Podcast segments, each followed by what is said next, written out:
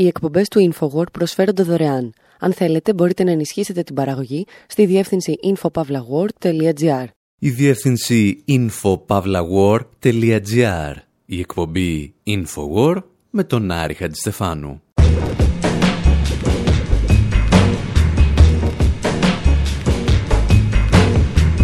όπου σήμερα αραδιάζουμε σκόρπιες σχετικά πολιτικές σκέψεις που μας ήρθαν σε μία συναυλία. Μεταφράζουμε όλα εκείνα τα τραγούδια των Σκαπέ που ακούμε για χρόνια χωρίς να καταλαβαίνουμε τι ήθελε να πει ο στιχουργός. Τους είδαμε ζωντανά προημερών στα Σευρόπας και θυμηθήκαμε τι πραγματικά σημαίνει πολιτικός στίχος, ενώ αναρωτιόμαστε πώς γίνεται μια παρέα αναρχοκομμουνιστών να κυριαρχεί στην παγκόσμια σκά σκηνή. Τους ακούμε να βρίζουν ατιμόρυτοι τον βασιλιά, το Θεό, την Εκκλησία, τον Φράγκο, το Ευρώ, τους φασίστες, την Ευρωπαϊκή Ένωση, την παιδική εργασία, τους ομοφοβικούς, τα αφεντικά, τους απεργοσπάστες, τη θανατική ποινή, τους σταυρομάχους, τους δολοφόνους, του Καρλο Τζουλιάνη, το Διεθνές Νομισματικό Ταμείο και την Παγκόσμια Τράπεζα, τους εκλεγμένους πολιτικούς, τους μη εκλεγμένους ηγέτες, τους ρατσιστές, το Ισραήλ και τους φασίστες. Δύο φορές τους φασίστες. Και όταν λέμε τους ακούμε, εννοούμε τους ακούμε δυνατά.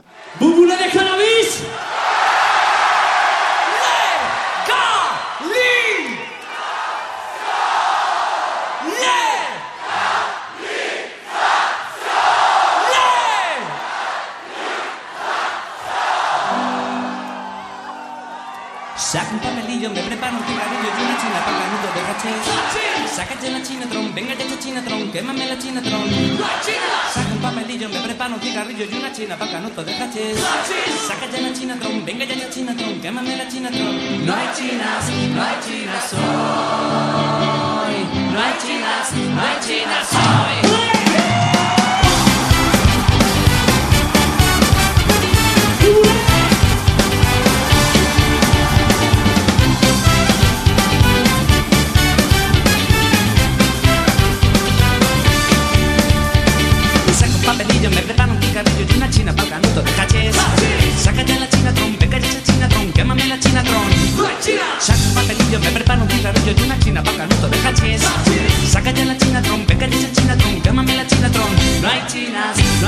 corazón.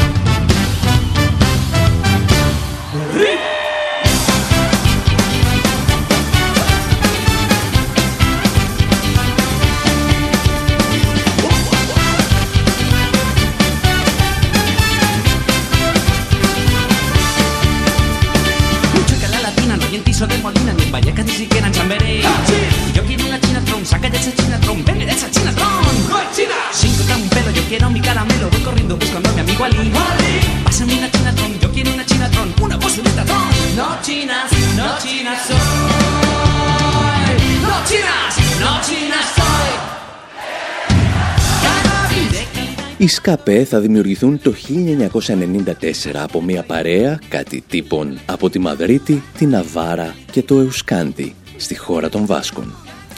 Και όσοι δεν είχαν ψηλιαστεί τι επρόκειτο να ακολουθήσει, θα έπρεπε να είχαν δώσει λίγη περισσότερη σημασία στο όνομα του συγκροτήματος. Το σκαπέ είναι ένα λογοπαίγνιο του ισπανικού ρήματος «escapar», δηλαδή «διαφεύγω» και της μουσικής «ska-punk», το είδος, δηλαδή που γεννήθηκε όταν η Ska από την Τζαμάικα γνώρισε την Punk. Το μυστικό όμως του ονόματος Σκαπέ βρίσκεται στο Κάπα. Για τους Ισπανούς, αυτό το K τοποθετημένο στο κέντρο της λέξης παραπέμπει στην εργατική συνοικία των Μπαγιέκας στη Μαδρίτη. Και όταν λέμε εργατική, εννοούμε με τους πιο σκληρούς όρους του ταξικού πολέμου που μπορείτε να φανταστείτε. Το Μπαγιέκας θα έπρεπε κανονικά να γράφεται με το γράμμα C. Τα Τα πιο μαχητικά τμήματα της περιοχής όμως το αντικαθιστούσαν με το κέι, σαν ένα δείγμα αντισυμβατικής συμπεριφοράς. Θα λέγαμε ότι όποιος αντικαθιστούσε περισσότερο το σι με το κέι ήταν ο πιο σκληρός ταξικός καριόλης της γειτονιάς. Η Μπαγέκας ήταν μία από τις πρώτες περιοχές της Ισπανίας που έδωσαν τις μεγάλες μάχες με τις φασιστικές δυνάμεις του Φράγκο. Και φυσικά το πλήρωσαν ακριβά. Για τους Σκαπέ όμως, το γράμμα K αποτελεί και μία αναφορά στη χώρα των Βάσκων. Γιατί στα βασκικά, εάν δεν το γνωρίζατε, οι ήχοι K και K γράφονται με K, σε αντίθεση με την υπόλοιπη Ισπανία που γράφονται με C ή με Q. Και το να μιλάς στην γλώσσα των Βάσκων είναι κομμάτι εγκληματικό για το κράτος της Ισπανίας. Το είχε παρατηρήσει και ο Όρσον Welles σε ένα ντοκιμαντέρ που είχε σκηνοθετήσει για τη χώρα των Βάσκων. Κυρίες και κύριοι, πίσω από την κάμερα βρίσκεται ο Όρσον Welles, μια κάμερα που για αυτό το πρόγραμμα θα εστιάσει μια ξεχασμένη γωνιά της Ευρώπης, τη χώρα των Βάσκων. To this day he speaks his own weird language, a tongue no expert has ever been able to trace. Ακόμη και σήμερα στη χώρα των Βάσκων μιλούν τη δική τους περίεργη γλώσσα. Μια γλώσσα της ρέζη της οποίας δεν κατάφερε να το πείσει κανένας ειδικός. Για το καθεστώς του στρατηγού Φράγκο αυτή η γλώσσα είναι παράνομη. Είναι σαν προδοσία να τη μιλάς. Οι Βάσκοι όμως παραμένουν Βάσκοι αν και μιλάνε τη γλώσσα της Ισπανικής πλευράς.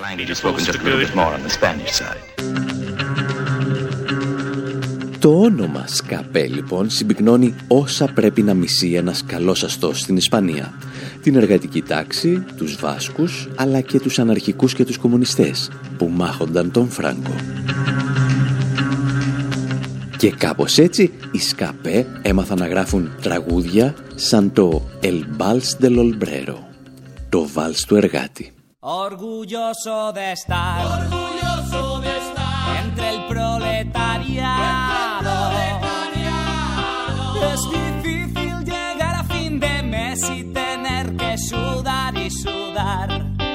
para ganar nuestro pan. Este es mi sitio, esta es mi gente, somos obreros, la clase preferente.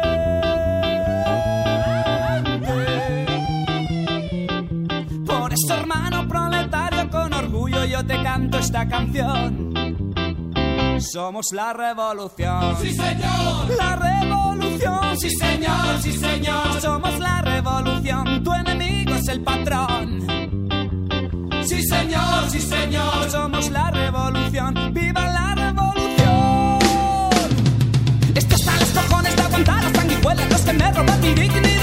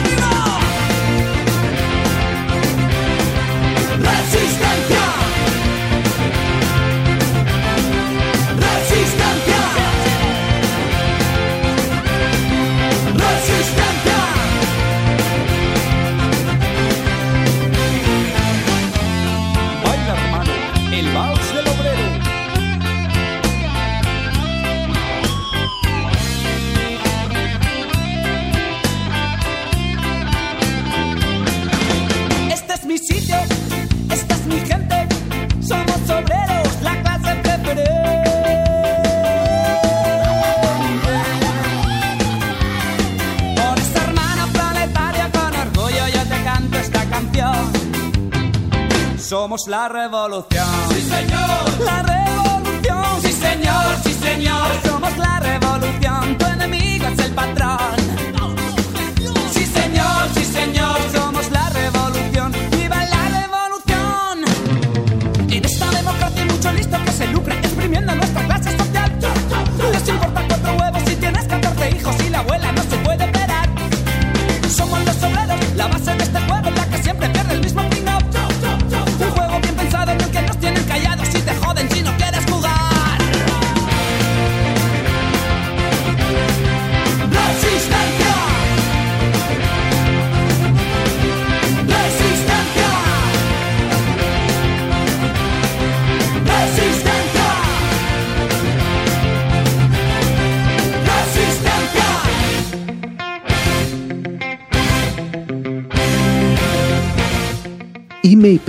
Υπερήφανος τραγουδούν οι σκαπέ που ανήκω στο προλεταριάτο, ακόμη και αν τα λεφτά δεν μου φτάνουν για να βγάλω το μήνα και υδρώνω συνεχώς για το καθημερινό ψωμί.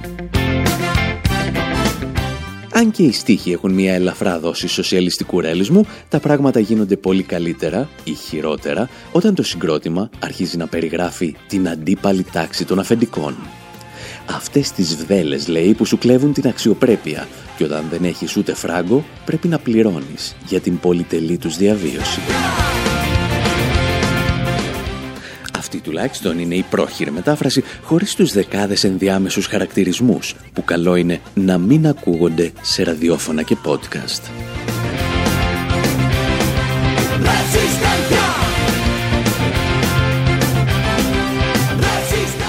Ένα συγκρότημα λοιπόν, όπως αποδεικνύουν οι ΣΚΑΠΕ, οφείλει να πραγματοποιεί τα πρώτα του βήματα ξεκαθαρίζοντας σε ποια τάξη ανήκει. Και ύστερα πρέπει να ξεκινά την μεγάλη μάχη με την απέναντι τάξη. Το πρόβλημα με την Ισπανία είναι ότι επειδή δεν είναι ακριβώς αστική δημοκρατία, πριν τα βάλεις με τον καπιταλισμό, πρέπει πρώτα να δώσεις τη μάχη σου με τη μοναρχία. Και οι ΣΚΑΠΕ δείχνουν τα όπλα τους με το τραγούδι «Χάκε Αλρέι» για τσέκαρε τον βασιλιά. No me toques los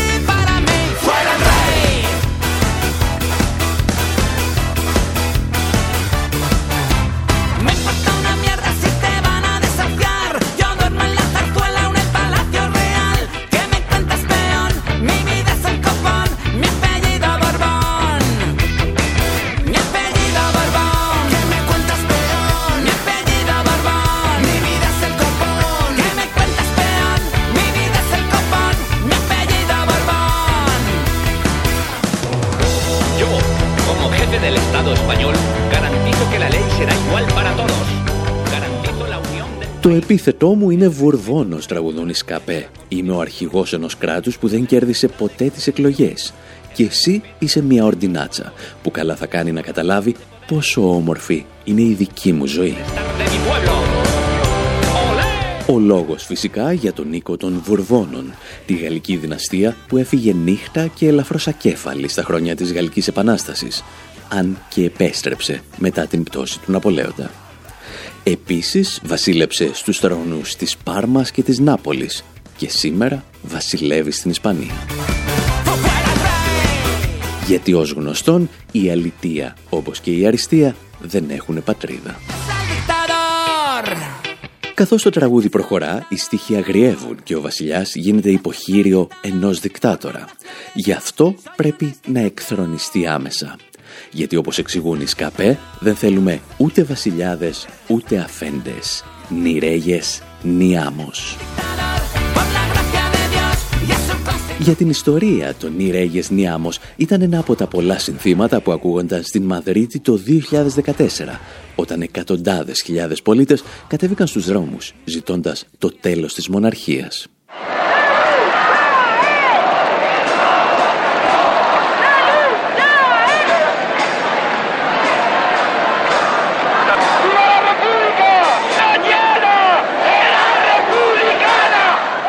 Και αν νομίζετε ότι αυτά τα βασιλικά είναι απλά και καθημερινά θέματα για την Ισπανία, κάνετε πολύ μεγάλο λάθος.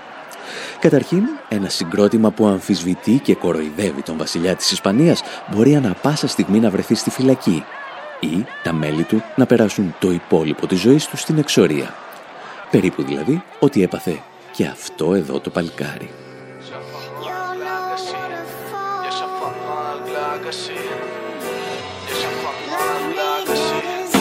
El rei Borbó i les seves mogudes. No sé si era que salafans o anava de putes. Són coses que no se poden explicar. Com que per fer de Diana empleava el seu germà. Ara el seu germanastre són els àrabs I li demana dos barets per comprar armes Li fan fer git i escurar els plats. I de mentre doña Sofia un ja té follant. I això fa mal, clar que sí Farem que en un Dargarin corri un Burger King Que la infanta Helena demani disculpes Per ser analfabeta i no anar a estudiar a Cuba Εάν τυχόν ζείτε ή περάσετε από την Ισπανία, είναι βέβαιο ότι δεν μπορείτε να ακούσετε live αυτό το τραγούδι. Γιατί ο δημιουργός του, ο ράπερ Βαλτρόνικ, έφαγε 3,5 χρονάκια φυλάκισης και τώρα ζει εξόριστος στο Βέλγιο. Οι στίχοι ομολογουμένως είναι ιδιαίτερα σκληροί. Περιγράφουν έναν χαραμ μοφάει κρατικοδίαιτο βασιλιά και κάποιες όχι πολύ κολακευτικές σεξουαλικές αναφορές στην οικογένειά του.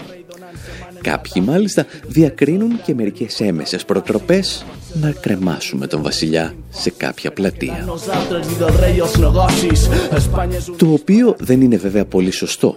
Αλλά τι να κάνεις που ο σύγχρονος ευρωπαϊκός πολιτισμός από τη Γαλλική Επανάσταση μέχρι σήμερα οικοδομήθηκε με τις αρχές κάποιων ανθρώπων που είχαν την φαϊνή ιδέα να κρεμάσουν τους βασιλιάδες τους. Ο Βαλτρόνικ πάντως για την ιστορία κατηγορείται ότι με το τραγούδι του καλεί τον πληθυσμό της Ισπανίας σε τέλεση τρομοκρατικών επιθέσεων. Ευτυχώς για τον ίδιο, η Σκαπέ δεν είναι η μόνη που θα βάλουν πλάτη στην περιπέτειά του. Δεκάδες Ισπανοί ράπερς συγκεντρώνονται και τραγουδούν μαζί το «Los Borbones son unos ladrones». Ο οίκος των Βορβόνων είναι απατεώνες. Τους ακούμε και επανερχόμαστε με ιστορίες για βασιλιάδες.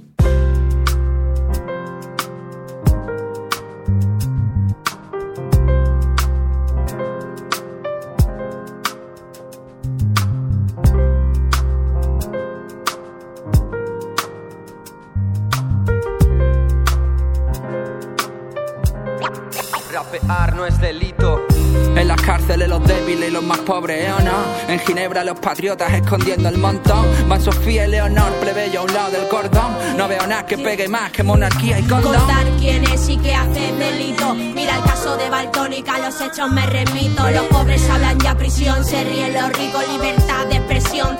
Díselo a gritos. El bofetón de sopetón de este que vive en Torrejón ha puesto roja la fachada y la corona del Borbón. Avergüéncense por dar cabida a leyes, falsedad y fulminar con el castigo del encierro a la vez. simple, perquè creïm que un. Mos voldrien tenir a tira tots en fila. Resistir com resisteix un nin als carrers de Síria. Insomni quan sa realitat avacila. Hacen faltas frases, faltan pintadas, falta gente que no se agache por nada. Hacen falta ganas para saltar los baches, los sueños conversados sino con barricadas. El Estado legitima al heredero de Franco. En tu techo y en el juego siempre gana el banco. Un apoyo proletario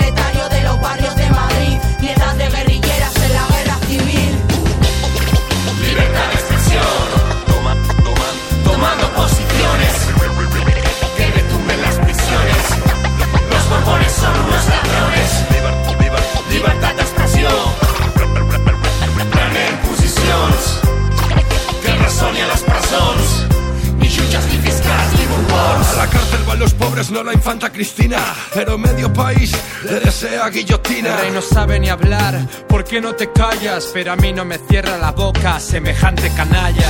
Por la guerra perdida de nuestras abuelas. Στην εκπομπή Infowar με τον Άρη Χατζηστεφάνου ακούμε δεκάδες Ισπανούς ράπερ να τραγουδούν για τον Βαλτρόνικ, τον συνάδελφό τους που ζει εξόριστο στο Βέλγιο γιατί το κράτος της Ισπανίας θέλει να τον βάλει φυλακή για ένα του τραγούδι. Και όπως πάντα, αν αφήσεις τους Ισπανούς να πούν τους πολιτικούς τους καημούς, που το πάνε, που το φέρνουν, καταλήγουν να συζητούν για τον δικτάτορα Φράγκο και τον Ισπανικό εμφύλιο. Το κράτος, ακούμε στο τραγούδι, νομιμοποιεί τον επίγονο του Φράγκο και εμείς πρέπει να κατεβάσουμε τους εργάτες της γειτονιές της Μαδρίτης μαζί με τις εγγονές από τις αντάρτισες του Ισπανικού εμφυλίου. Και αυτό ακριβώς είναι το ενδιαφέρον με τον βασιλιά του κράτους της Ισπανίας, ότι αποτελεί ένα σύμβολο και σε κάθε συζήτηση προκαλεί διαφορετικές αντιδράσεις για διαφορετικούς λόγους. Όπως εδώ, πριν από 10 χρόνια, σε κάποιο γήπεδο της Ισπανίας.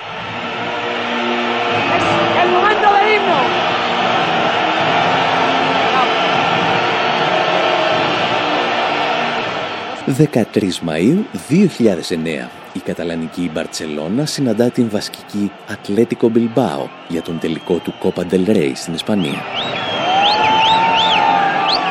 Και κάπου εδώ θα έπρεπε να ακούτε να πεανίζει ο εθνικός ύμνος.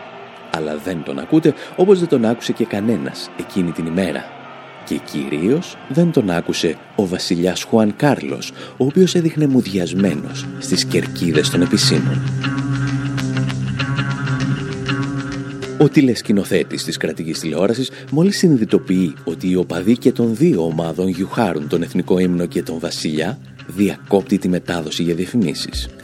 Και αν αναγκαστείς να διακόψεις τη ζωντανή μετάδοση του εθνικού ύμνου ενός κράτους, σημαίνει ότι το κράτος αυτό έχει μερικά σημαντικά προβληματάκια να επιλύσει. Στην πραγματικότητα είναι οι Βάσκοι που ξεκινούν να καλύπτουν με φωνές και σφυρίγματα τον εθνικό ύμνο και οι Καταλανοί απλώς τους ακολουθούν. Τι έχει συμβεί; Τα τελευταία χρόνια η κεντρική κυβέρνηση της Μαδρίτης είχε ξεκινήσει ένα πρωτοφανές πογκρόμ εναντίον των βασικών κομμάτων της αριστεράς. Ιστορικές πολιτικές παρατάξεις που λειτουργούσαν από τη δεκαετία του 30, όπως το κόμμα της Βασικής Εθνικής Δράσης, αλλά και το Κομμουνιστικό Κόμμα, τέθηκαν εκτός νόμου. Σε αυτή την περίπτωση η παρουσία του βασιλιά και το άκουσμα του εθνικού ύμνου ήταν αρκετό για να ξυπνήσει τα πάθη μιας ολόκληρης χώρας που δεν θέλησε ποτέ να γίνει έθνος. Όταν λοιπόν οι ΣΚΑΠΕ αποφασίζουν να τα βάλουν με τον βασιλιά στο τελευταίο τους άλμπουμ, κάνουν κάτι περισσότερο από το να αμφισβητούν τον διακοσμητικό ηγέτη μιας χώρας. Αμφισβητούν το βασικό σύμβολο της ενότητας αυτής της χώρας. Και αυτή ήταν μόνο μία πρόγευση των ιστοριών που έχουμε να σας διηγηθούμε για τους ΣΚΑΠΕ.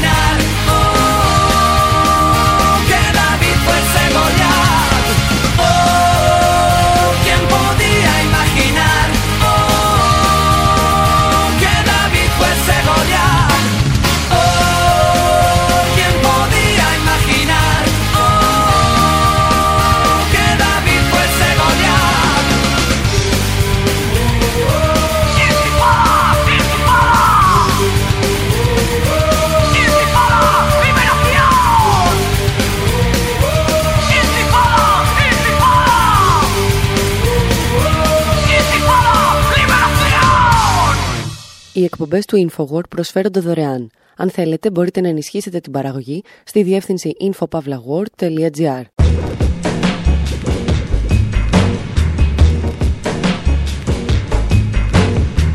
Εκπομπή Infowar, μέρος δεύτερο. Όπου με αφορμή μια συναυλία των ΣΚΑΠΕ που παρακολουθήσαμε πριν από μερικές ημέρες, ξετυλίγουμε άσχετες και λιγότερο άσχετες πολιτικές σκέψεις για την Ισπανία, τον Φράγκο, τον οίκο των Βουρβώνων και τον καπιταλισμό. Αφήσαμε το συγκρότημα να τα βάζει με τους βασιλιάδες του κράτους της Ισπανίας. Ένα αναρχοκομμουνιστικό συγκρότημα όμως πρέπει πάντα να μάχεται και την θρησκεία και τις αντιπροσωπείες του Θεού επί της γης. Αυτό ακριβώς που κάνουν και στο επόμενο τραγούδι τους.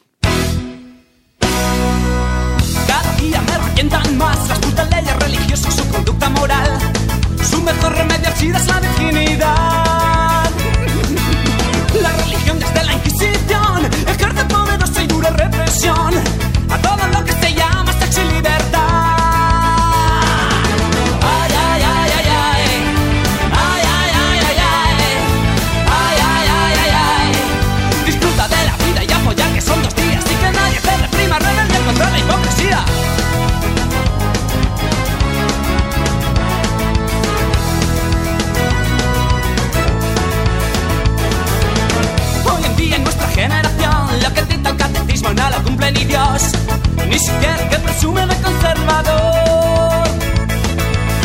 He aquí la hipocresía moral, la que sufrieron nuestros viejos sin placer carnal, delimitando su sexo para procrear.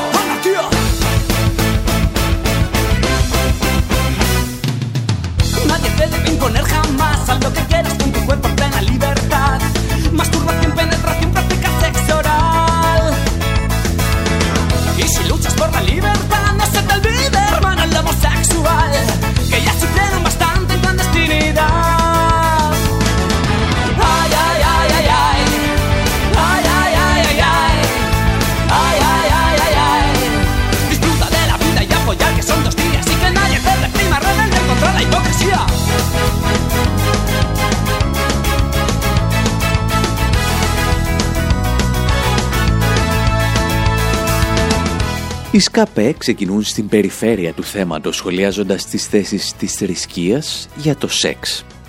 καταλήγουν γρήγορα στο συμπέρασμα πως η θέση της Εκκλησίας ότι το AIDS αντιμετωπίζεται μόνο με την παρθενία είναι ελαφρώς λανθασμένη.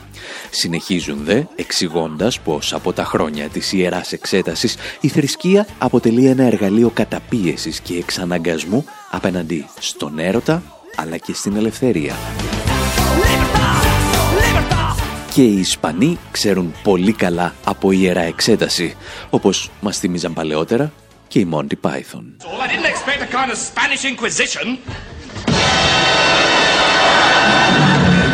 Nobody expects the Spanish Inquisition. Our chief weapon is surprise. Surprise and fear. Fear and surprise are two weapons. Our fear and surprise and ruthless efficiency are three weapons. Our fear and surprise and ruthless efficiency and an almost fanatical devotion to the Pope are four. No. Amongst our weapons, amongst our weaponry are such elements as fear. I'll come in again. Siervo de Dios. Siervo de Dios.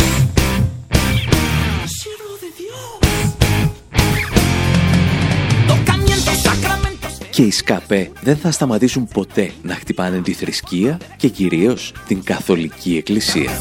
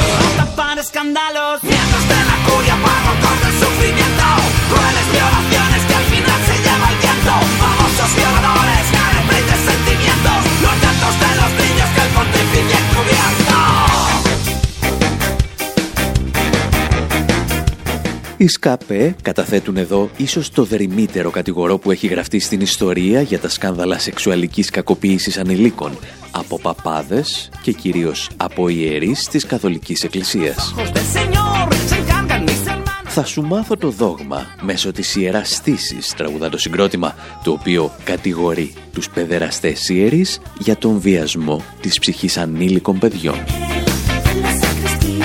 Ο τίτλος του τραγουδιού, «Crimen Solicitationis», αναφέρεται στο ειδικό εγχειρίδιο που εξέδωσε το Βατικανό το 1962.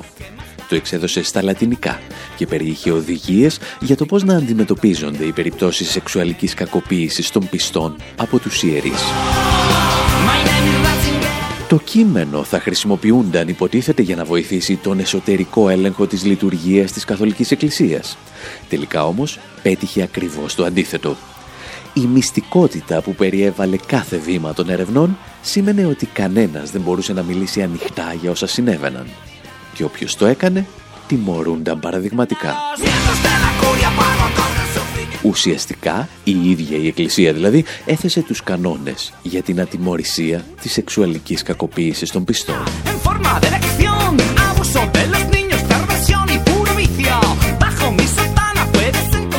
Για ένα συγκρότημα όπως η Σκαπέ όμως, οι αναφορές στη θρησκεία παραπέμπουν και πάλι στον Ισπανικό εμφύλιο, αλλά και στα χρόνια πριν από αυτόν.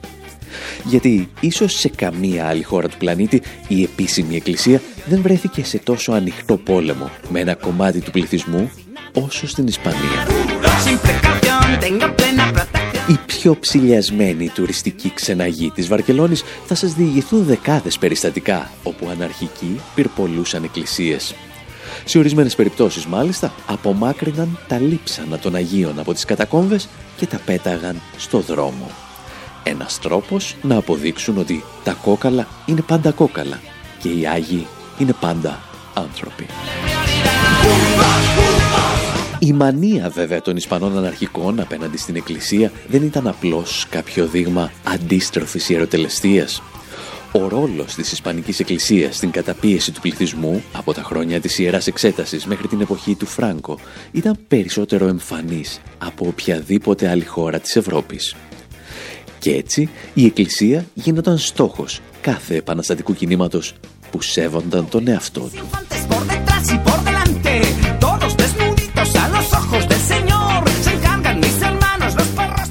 Ευτυχώς για εμάς, οι ΣΚΑΠΕ, από τους στίχους των οποίων εμπνεόμαστε σήμερα, δεν ασχολούνται μόνο με τους παλαιούς θεσμούς εξουσίας, αλλά και με τους σύγχρονους. Και από τον θεσμό της Εκκλησίας περνάνε γρήγορα στους θεσμούς της Ευρωπαϊκής Ένωσης.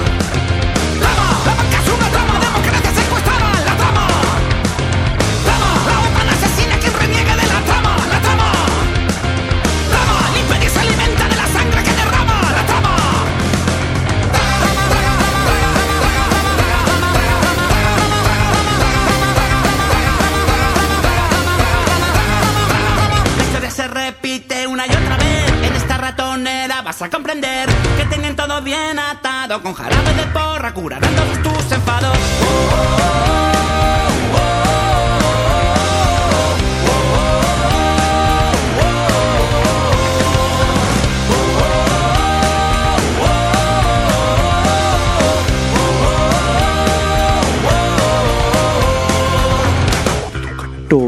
Ευρωτράμα για το οποίο τραγουδούν εδώ οι ΣΚΑΠΕ έχει ελαφρώς διαφορετική ερμηνεία από το προφανές Ευρωτράυμα που ίσως ακούμε εμείς.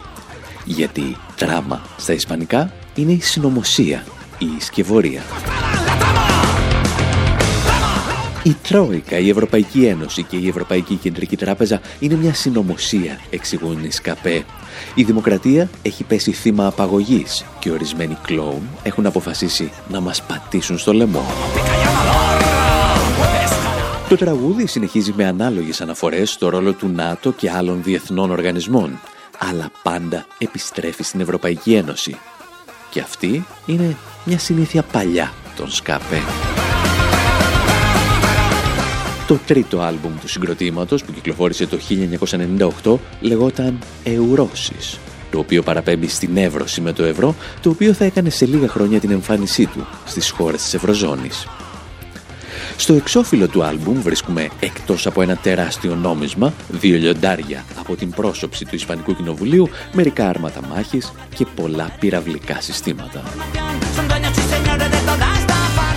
Και σε εκείνο το άλμπουμ οι Σκαπέ πραγματοποίησαν ίσως την πληρέστερη πρόβλεψη για όσα θα ακολουθούσαν την εισαγωγή του ενιαίου νομίσματος στις οικονομίες της Ευρωπαϊκής Περιφέρειας. Τους ακούμε στο «Εσπάνια Μπαμπιέν» και επανερχόμαστε.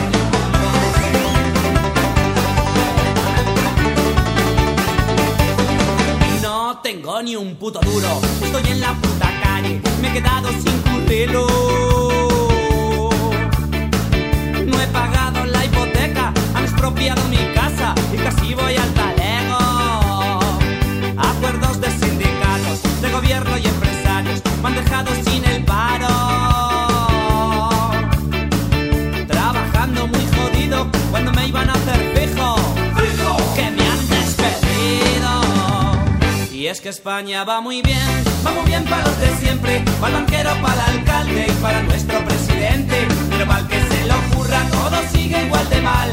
No nos toques los cojones. Iros todos a mamar.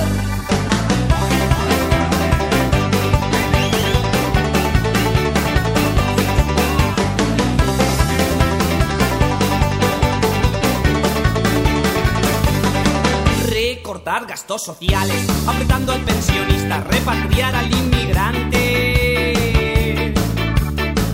Es política de ricos, empresarios y banqueros multiplican su dinero. Enriqueces al que tiene, al que no tiene detienes. ¿Cuántos perros obedientes? Cuando pasen cuatro años y lleguen las elecciones, va a votar su es que España va muy bien, va muy bien para los de siempre, para el banquero, para el alcalde y para nuestro presidente. Pero mal que se le ocurra, todo sigue igual de mal. No nos toques los cojones, iros todos a mamar. Ya ves, este gobierno te da la oportunidad de cerrar la boca y de ponerte a mendigar. Queremos igualdad en anarquía y fraternidad. A la tumba de Durruti nos vamos a emborrachar, buscando la manera de poder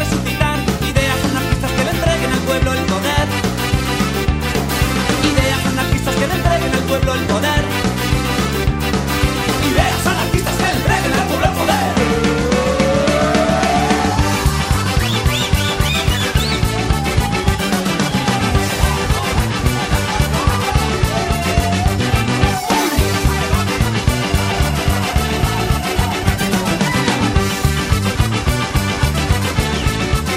Han privatizado todo, chapado los bares y nos joden los conciertos. Desalojan los... Είμαι τόσο απένταρος όσο δεν παίρνει τραγουδούν οι σκαπέ. Έχασα τη δουλειά μου, δεν κατάφερα να πληρώσω την υποθήκη του σπιτιού και μου το πήραν και λίγο έλειψε να καταλήξω στη φυλακή. Αυτά τα τραγουδούσαν οι σκαπέ ακριβώς 10 χρόνια πριν από την παγκόσμια χρηματοπιστωτική κρίση του 2007-2008, η οποία θα έφτανε στην Ευρώπη με καθυστέρηση λίγων μόλις μηνών. para nuestro presidente. Pero mal que se le ocurra, todo sigue igual de mal. No nos toques los cojones. Iros Και ύστερα το τραγούδι γίνεται ακόμη πιο συγκεκριμένο. Τα συνδικάτα, λέει, τα βρήκαν με την κυβέρνηση και τις επιχειρήσεις και εγώ έμεινα άνεργος. Αλλά ευτυχώς η Ισπανία πάει καλά. nos vamos a emborrachar, buscando la manera de poder resucitar. Η φράση «Η Ισπανία πάει καλά», «Εσπάνια, va bien», ήταν το μότο του δεξιού πρωθυπουργού Χωσέ Μαρία Αθνάρ, ο οποίος κυβέρνησε τη χώρα από το 1996 έως το 2004. Και αν σας θυμίζουν κάτι αυτές οι ημερομηνίες, είναι γιατί την ίδια ακριβώς περίοδο κυβερνούσε στην Ελλάδα ο Κώστας Σιμίτης, ο οποίος επίσης υποστήριζε πως όλα πήγαιναν καλά. Τα πράγματα πήγαιναν καλά μόνο για τις τράπεζες, εξηγούσαν από τότε οι ΣΚΑΠΕ, συμπληρώνοντας ότι το κράτος συμπιέζει το κράτος πρόνοιας και εξαφανίζει τις συντάξεις, ενώ παράλληλα απομακρύνει σαν από διοπομπαίους τράγους τους μετανάστες. Όλα αυτά δηλαδή που συνέβαιναν στις καλές ημέρες του Αθνάρ έλαβαν απλώς κατακλυσμιαίες διαστάσεις μια δεκαετία αργότερα, στα χρόνια της κρίσης. Για την ιστορία, η αντιπρόταση που είχαν να καταθέσουν οι σκαπές στο τραγούδι τους ήταν να μεθύσουν πάνω στον τάφο του Ντουρούτη και να ξεκινήσουν μια αναρχική επανάσταση που θα έδινε την εξουσία στο λαό. Γιατί όπως είπαμε, κάθε πραγματικά πολιτική κουβέντα στην Ισπανία δεν μπορεί παρά να επιστρέφει στους πρωταγωνιστές του Ισπανικού εμφυλίου πολέμου. Trabajando muy jodido cuando me Και αυτή ακριβώς η αναρχική καρδιά των Σκαπέ θα μας οδηγήσει και στο επόμενο τραγούδι τους. Αλλά μιέρντα. Αξίζει να προσπαθήσετε να ακολουθήσετε τους στίχους ακόμη και αν δεν μιλάτε Ισπανικά. Orgullo nacional, patriota virtual, héroe militar, xenofobia, muñeco demencial, parálisis mental, cerebral. A la mierda, reaccionarios, me la suda todo lo que puedas ladrar, siéntame la libertad. A la mierda, reaccionarios, me la suda todo lo que puedas ladrar, siéntame la libertad. Qué difícil es hablar menguar tu estupidez, tu xenofobia, hacerte comprender que tu agresividad se puede responder con mala hostia. A la mierda, reaccionarios, me la suda todo lo que puedas ladrar, siéntame la libertad. A la mierda, reaccionarios, me la suda todo lo que puedas ladrar, siéntrame la libertad. Mi libertad.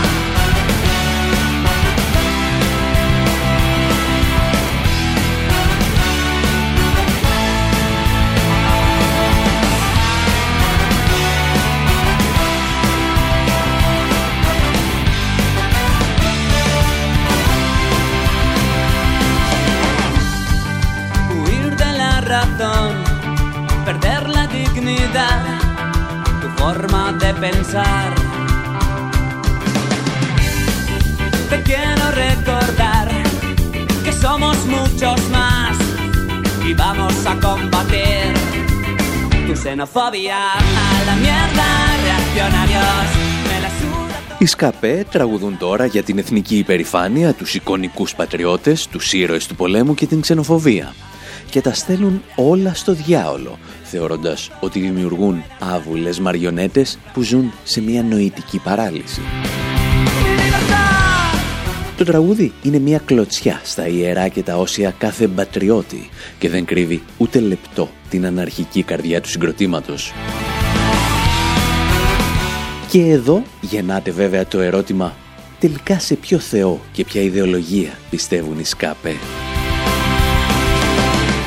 Όπως εξηγούσε πριν από χρόνια ο ακαδημαϊκός David Villadiegeth σε μια μελέτη του για τις πολιτικές πτυχές της ισπανικής punk σκηνής, οι ΣΚΑΠΕ, όπως και πολλά άλλα συγκροτήματα, μεταπηδούν τόσο εύκολα από θέμα σε θέμα που είναι δύσκολο να τους δώσεις μια σαφή πολιτική ταυτότητα. Πάντα βέβαια κινούμαστε μέσα στο πλαίσιο μιας ρητορικής που κινείται από την αναρχία μέχρι τον κομμουνισμό.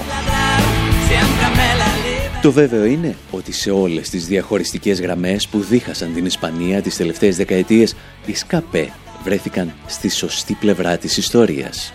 Από τη θρησκεία μέχρι την Ευρωπαϊκή Ένωση και από τον Φράνκο μέχρι την Παλαιστίνη έδωσαν τις μάχες που έπρεπε όταν έπρεπε. Και προφανώς πήραν θέση και σε εκείνη την μικρή για εμάς αλλά πολύ σημαντική για τους Ισπανούς διαμάχη για τις σταυρομαχίες.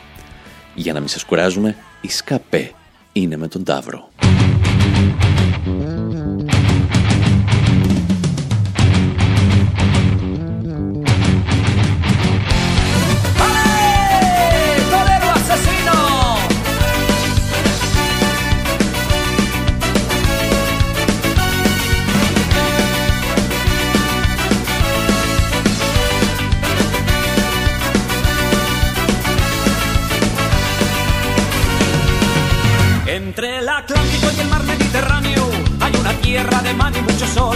Que desde antaño se viene practicando una asquerosa y sucia tradición. Un individuo vestido de payaso tortura y martiriza hasta la muerte un animal.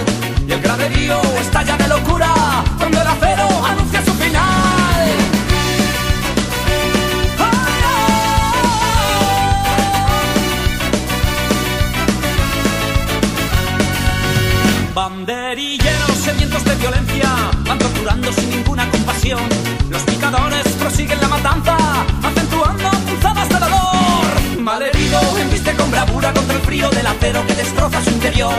Agonizando en un charco de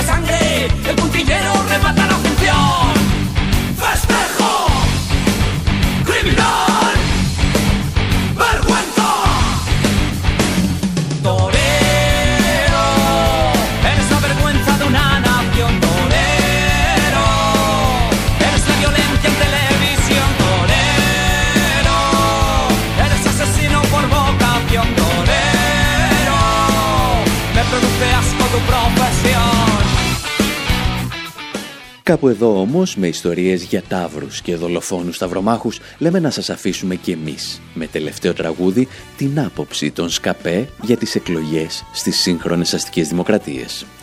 Αν μπορούσαμε να συνοψίσουμε, θα λέγαμε «Άστο» για καμιά άλλη φορά. Μέχρι την επόμενη εβδομάδα πάντως, από τον Άρη Χατζηστεφάνου στο μικρόφωνο και τον Δημήτρη Σαθόπουλο στην τεχνική επιμέλεια, γεια σας και χαρά σας.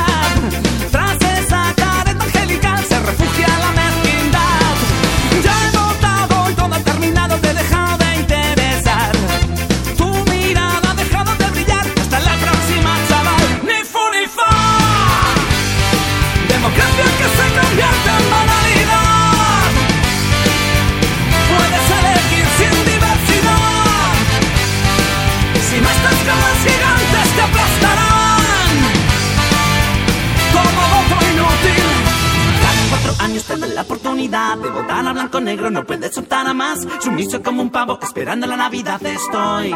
Aguardando el milagro, ninguno de vosotros me puede representar. Dame democracia en la que pueda participar. Nos engañan con un cebo, la quimera de la libertad. Todos patraña hoy.